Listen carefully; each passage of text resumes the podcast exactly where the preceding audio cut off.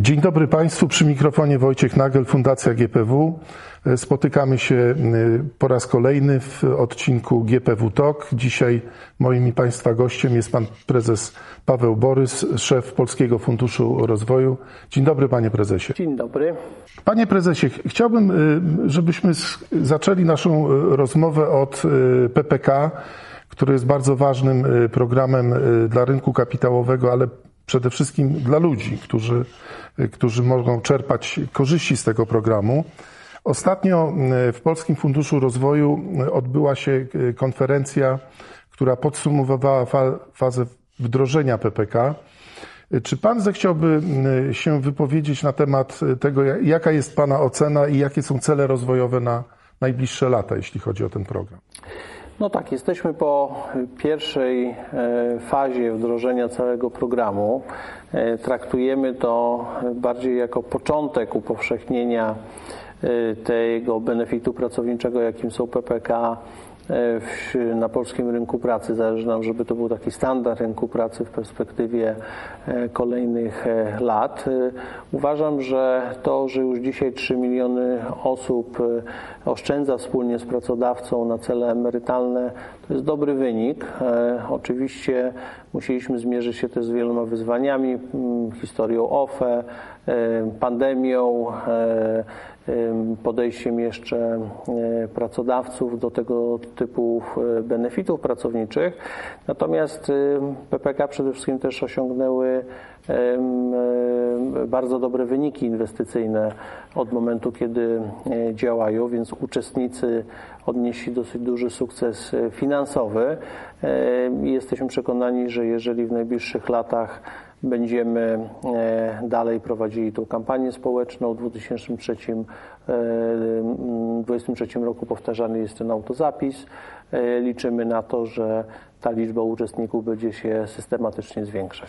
Panie prezesie, nie jest tajemnicą, że są pewne środowiska zawodowe i pewne firmy, które aktywują zdecydowaną większość uczestników. To są firmy, które skupiają ludzi o wyższym wykształceniu, usytuowane w miastach, często związane z rynkiem kapitałowym, ale także z instytucjami publicznymi.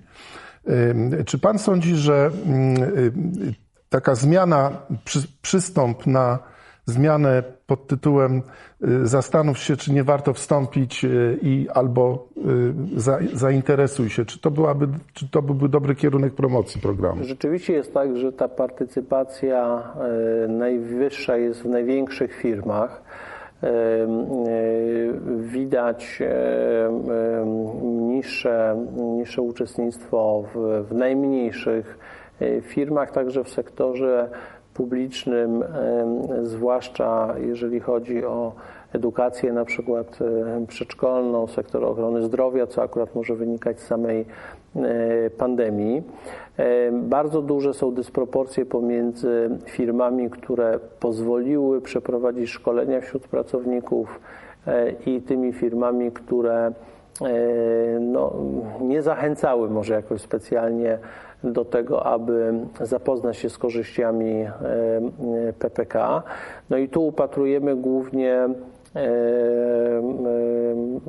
potrzeb, jeżeli chodzi o naszą aktywność. To znaczy, cały czas musimy w jak największym stopniu docierać z wiedzą na temat PPK za pośrednictwem mediów, ale też najlepiej za pośrednictwem bezpośrednich szkoleń u pracodawcy. E, żeby uświadamiać e, te korzyści, które w skrócie polegają na tym, że jeżeli zdecyduje się sam odkładać złotówkę, to drugą otrzymuje w postaci dopłat od strony pracodawcy i państwa, a jeszcze przy dobrych wynikach funduszy, na których te środki są inwestowane, które mają średnią stopę zwrotu około 15% od początku istnienia, możemy rzeczywiście efektywnie pomnażać nasze oszczędności i czuć się bezpiecznie, jeżeli chodzi o zabezpieczenie naszego dochodu na starość. Podczas podsumowania fazy wdrożenia PPK podaliście Państwo bardzo ciekawe informacje właśnie związane z tym, gdzie jest najwyższa, gdzie jest najniższa partycypacja. Może uzupełnię Pana wypowiedź o mm, liczby. Opieka zdrowotna, pomoc społeczna 18,7%, edukacja 19,3%, to jest dla mnie pewne zaskoczenie. Rolnictwo, leśnictwo, łowiectwo i rybactwo 20%. Natomiast najwyższe partycypacje, blisko 60 działalność finansowa, ubezpieczeniowa, informacja i komunikacja 46%. Ja się zastanawiam, czy to nie jest też związane z tym, o czym Pan przed chwilą powiedział, to znaczy z metodą dotarcia e, z tym programem. E, Fundacja GPW e, zrobiła wspólnie z Warszawskim Instytutem Bankowości badanie dotyczące świadomości ekonomicznej Polaków. Z tego badania wynikało, że respondenci jako najbardziej skuteczne metody dotarcia przedstawili internet, a także działalność instytucji finansowych wyprzedzając media, wyprzedzając media, które do tej pory jakby przodowały. Y, czy mm, poza tymi y, bezpośrednimi spotkaniami u pracodawców nie należałoby y, zatem też poświęcić więcej uwagi na to dotarcie internetowe, względnie powiedziałbym, no, korzystając z nowoczesnych form komunikacji? No, trzeba wykorzystywać każdy kanał dotarcia bo właśnie te dane wskazują, e, że uczestnictwo e, w PPK bardzo mocno zależy po prostu od świadomości e, tego, że warto gromadzić oszczędności długoterminowe i dodatkowo zabezpieczać się na starość i z samej wiedzy, czym są PPK, że jest to prywatny system, w każdej chwili można wystąpić, z programu wypłacić pieniądze, w każdej chwili można przystąpić, są atrakcyjne dopłaty e, do właśnie naszych oszczędności, można powiedzieć, pieniądze leżą e, na e, ulicy i tą wiedzę trzeba upowszechniać różnymi metodami.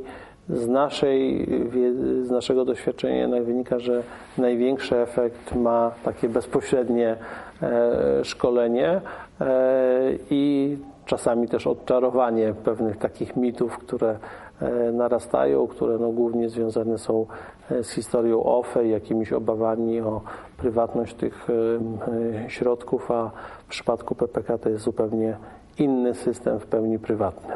Myślę, że nieoceniona jest tutaj działalność portalu Moje PPK, który osiągnął ponad 17 milionów unikalnych odsłon, 4,6 miliona użytkowników. Wydaje mi się, że taki efekt kuli śnieżnej może zadziałać.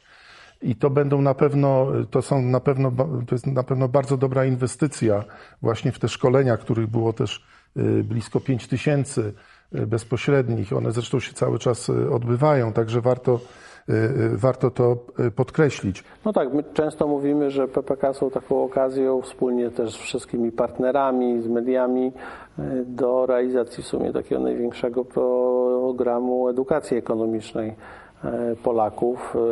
Cieszy zwłaszcza to, że blisko 2 miliony osób skorzystały z takiego kalkulatora emerytalnego dostępnego na portalu Moje PPK, czyli już tak bardzo poważnie zainteresowały się tym, jak e, no tak e, w sposób umiejętny planować swoje finanse długoterminowo. No, to jeszcze nie jest powszechne, e, ale właśnie to jest bardzo ważne, abyśmy zarówno dbali o nas miesięczny budżet, ale też patrzyli na to z perspektywy nawet i kilkudziesięciu lat.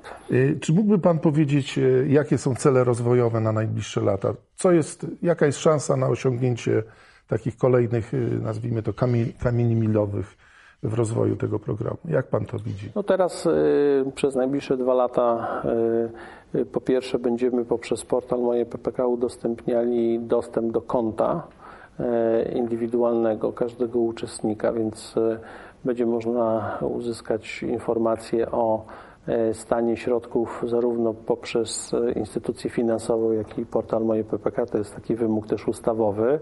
Będziemy kontynuowali kampanię informacyjną, no i szykujemy się do ponownego tego procesu automatycznego zapisu w 2023 e, roku. Przykład Wielkiej Brytanii wskazuje, że wtedy następuje taki E, skokowy przyrost. Cieszy też to, że wśród dużych firm ta partycypacja już przekroczyła 40%. Dużo pracy, jeżeli chodzi o średnie firmy, sektor publiczny. Liczymy na to, że i pracodawców, którzy w ogóle nie utworzyli tego programu, zwłaszcza mikro i średnich firm. Teraz też wzywamy ich do wyjaśnienia tego stanu e, rzeczy. No chcemy, aby w perspektywie E, kolejnych kilku lat rzeczywiście e, ta partycypacja wzrosła i można było powiedzieć, że program już tak rzeczywiście stał się pewnym standardem rynku pracy i w pełni upowszechnił. Czy mamy szansę na 50% w perspektywie najbliższych 3-4 lat, Pana zdaniem? 3-4 lat to pewnie będzie ciężko. Być może w tych największych firmach jest to realne. Natomiast myślę, że to jest taki cel rozłożony bardziej w perspektywie 7-10 lat, przy założeniu oczywiście stabilności regulacji i, i stałego takiego prowadzenia właśnie tej kampanii informacyjnej. Panie prezesie, chciałbym teraz zapytać pana e, o znaczenie tarczy finansowej, zwłaszcza dla mikrofirm i małych i średnich przedsiębiorstw. Zwłaszcza, że tutaj w ostatnim czasie jest wiele dobrych informacji, są nowe rozwiązania, e, pojawiły się korzyści podatkowe. Czy, czy zechciałby Pan e, powiedzieć naszym słuchaczom, jak to wygląda z perspektywy operatora, z perspektywy PFR-u? No jestem, jestem przekonany, że na pewno e, w Polsce te działania antykryzysowe rządu przyniosły oczekiwane efekty, to znaczy udało się uchronić e, zarówno rynek pracy, jak i sektor przedsiębiorstw przed no, jakimiś bardzo poważnymi turbulencjami, kryzysem, ryzykiem upadłości. Właśnie uniknęliśmy takiego skokowego wzrostu bezrobocia.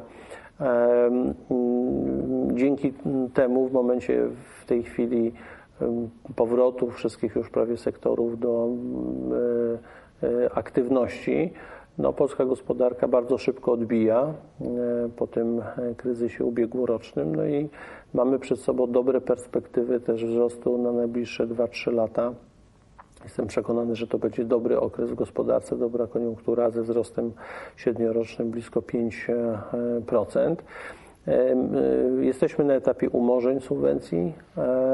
Widzimy z danych Zakładu Ubezpieczeń Społecznych, że 90% beneficjentów tarczy finansowej utrzymało w pełni zatrudnienie e, pomimo kryzysu wywołanego e, pandemią, więc to jest bardzo dobry e, wynik. Mm, program się na pewno sprawdził. W przypadku 10% to są głównie te branże najsilniej dotknięte COVID-em. Ten spadek nie jest też aż tak duży. No i te firmy mogą w tej chwili odbudowywać też szybko zatrudnienie, więc e, no, jestem przekonany, że pod względem gospodarczym notujemy e, znacznie lepsze niż wiele krajów e, wyniki w tej chwili gospodarcze i dość szybko powrócimy na tą ścieżkę wzrostu. Ja mam takie pytanie, może ono jest bardzo szczegółowe, ale też w rozmowach z przedsiębiorcami ten temat się pojawia. Mianowicie mm, no, jest też taka sytuacja, w której pieniądze do PFR-u wracają z różnych względów. Czy one są, czy one mogą być, nazwijmy to w cudzysłowie, reinwestowane na te cele tarczowe, czy, czy to jest raczej program już zamknięty? Program działa tak, że rzeczywiście subwencje co do zasady mają charakter zwrotny, aczkolwiek można je umorzyć, jeżeli firma przede wszystkim utrzymała zatrudnienie. Zakładamy, że to umorzenie będzie wynosiło średnio około 55-60% e, kwot e, subwencji, e, co oznacza, że z około 71 miliardów, już blisko 72 wypłaconych kwot, ponad 40 będzie umorzone. Natomiast reszta będzie zwrócona ona nie będzie reinwestowana, tylko będzie służyła temu, aby spłacić zobowiązania, które zaciągnęliśmy, na, na, aby sfinansować tarczę w postaci emisji obligacji e, w tych terminach zapadalności e, obligacji, które e, w 2000, głównie w 2020 roku emitowaliśmy. I to się uda. E, tak, e, kwota, która ewentualnie na koniec e, by nie wystarczała, zgodnie z zasadami programu będzie wniesiona przez rząd, więc oczywiście tutaj posiadacze obligacji mogą czuć się bezpiecznie. Uzyskaliśmy też jako PFR ostatnio bardzo wysoki rating kredytowy potwierdzający. AA minus. Tak, na poziomie Polski, potwierdzający naszą wiarygodność finansową i rzeczywiście planujemy, aby e, w perspektywie de facto bardzo długoterminowej, po 10 lat, cały ten program się rozliczył. Ja jestem przekonany, że to w ogóle była dobra inwestycja, bo z perspektywy finansów publicznych te, ta kwota umorzenia to jest niecałe 2% PKB. E, a przy tak dynamicznym odbiciu gospodarczym e, w postaci wyższych wpływów podatkowych czy składek e, te kwoty bardzo szybko się zwracają, jeżeli jest dobra koniunktura. Panie prezesie, ostatni temat, który chciałbym zaproponować w końcowej części naszej, naszego spotkania. Krajowy Plan Odbudowy, znaczenie dla gospodarki, horyzont czasowy, kierunki inwestycji i wydatkowania. Y, może tytułem wstępu y, dla osób, które y, nie są dokładnie zorientowane, warto powiedzieć, że Krajowy Plan Odbudowy jest takim elementem, czy też, czy też pochodną instrumentu na rzecz odbudowy i zwiększenia odporności, który został wprowadzony w Unii Europejskiej. Celem głównym KPO jest zwiększenie produktywności gospodarki oraz stworzenie wysokiej jakości miejsc pracy. Polska wystąpiła o blisko, mm, dokładnie o, 20, o 36 miliardów euro y, w formie y, dotacji i pożyczek. Y, czy, czy jest takie w ogóle uproszczone, uproszczone być może myślenie, że Polski Ład to, jest, to są złotówki, to jest krajowe rozliczenie, KPO to, jest, to, jest, to są pieniądze unijne. Tutaj też jest ten element dotacyjny i pożyczkowy. Jak pan, jak pan, ocenia, jak pan ocenia y, znaczenie dla gospodarki tego, y, tego planu i czy pana zdaniem te obszary, które zostały y, wymienione, jeśli chodzi o dedykowane środki, czy one są właściwie usytuowane i czy można powiedzieć, że ten, że ten program się powiedzie? On jest oczywiście wieloletni. Warto wspomnieć, że, mm, warto wspomnieć, że też y, czasami y, szedł pewien y, atak polityczny związany z faktem, że te pieniądze gdzieś tam będą przepadały, czy będą wydatkowane w sposób niemerytoryczny. Natomiast trzeba stwierdzić, że oczywiście to jest plan do 2027 roku.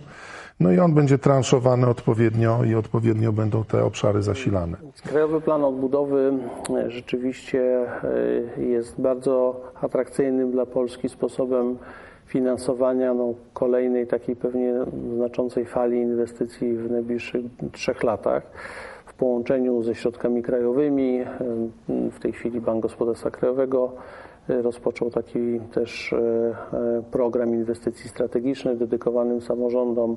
Mamy kolejną perspektywę unijną, więc e, tych źródeł finansowania teraz będzie naprawdę sporo. Ważne, aby skoncentrować się na sprawnym przygotowaniu tych projektów inwestycyjnych i aby wystarczyło sił wykonawczych na tym etapie.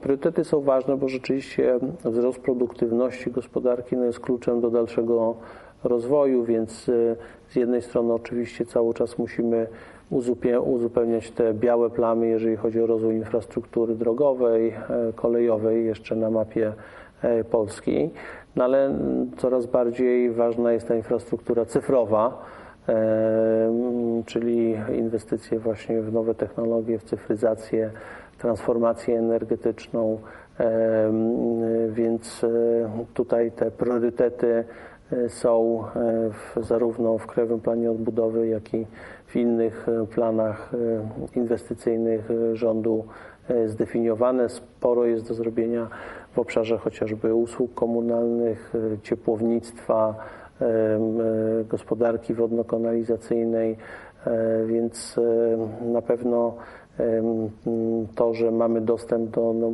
bardzo dużych w tej chwili środków e, finansowych, daje taką perspektywę wykonania kolejnego skoku, e, właśnie jeżeli chodzi o jakość infrastruktury, takiego skoku rozwojowego w najbliższych 3-5 latach. A proszę powiedzieć, panie prezesie, czy te 36 miliardów, z których blisko 24 to są dotacje, przeznaczone mm, dla Polski w tych pięciu obszarach, to czy one są, y, czy one będą zrównoważone w sensie obszarowym, czy są w, w ramach obszarów również pewne priorytety, które będą, y, które będą realizowane? No oczywiście Krajowy Plan Odbudowy zbudowany jest w oparciu o ten y, plan reform, więc on będzie się koncentrował na tych priorytetach. Kolejna perspektywa unijna też oczywiście jest zaprojektowana, tak jak to środki unijne wokół pewnych e, obszarów związanych ze środowiskiem, infrastrukturą,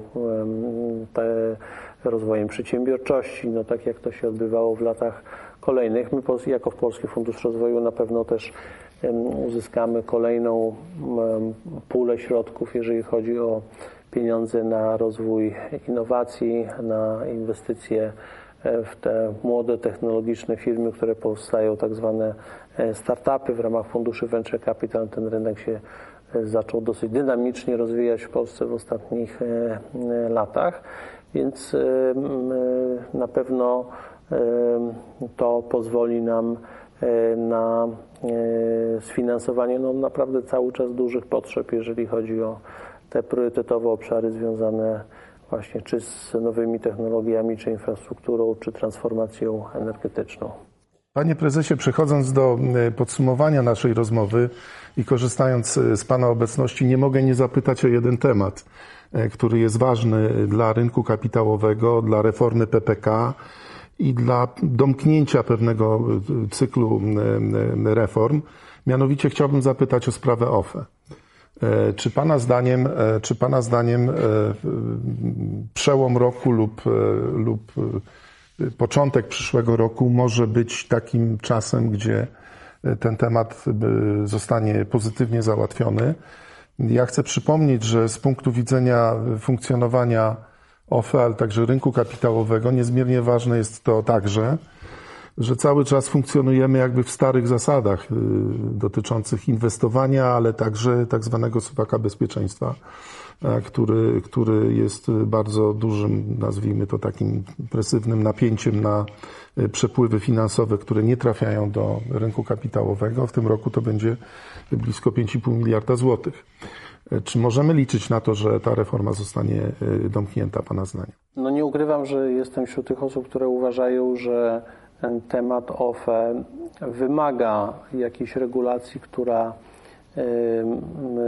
zakończy tą reformę e, po to, aby zwiększyć przejrzystość systemu emerytalnego i nie myliło się już e, Polakom, co jest publiczne, co jest e, prywatne, znaczy, po prostu zamknąć ten rozdział żeby niepewność zniknęła co do przyszłości tych środków.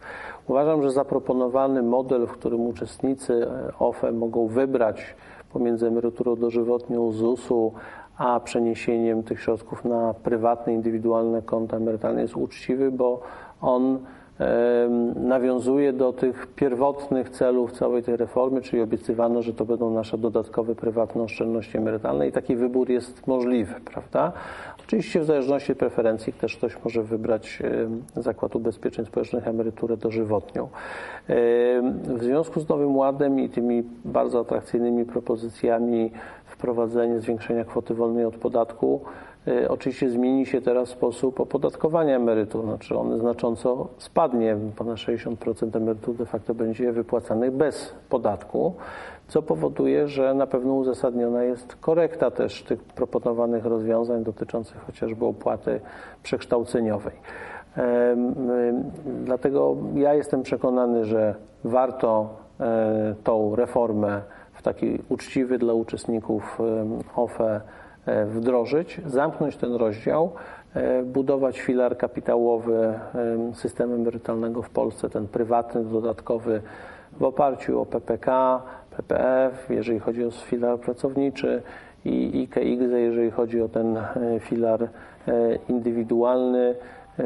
Będzie to wtedy przejrzyste. Trzy rozwiązania emerytalne dla Polaków: emerytura dożywotnia, program emerytalny prywatny wspólnie z pracodawcą, program indywidualny, też prywatny i to daje tą różnorodność w systemie, szeroko rozumianym systemie emerytalnym, która jest potrzebna, aby jak najlepiej budować bezpieczeństwo e, finansowe Polaków i zabezpieczać nasz dochód po ustaniu aktywności zawodowej. Szanowni Państwo, gościem kolejnego odcinka cyklu GPW Talk był pan Paweł Borys, prezes zarządu PFRSA. Panie prezesie, dziękuję bardzo za udział w programie. Dziękuję bardzo. Do widzenia.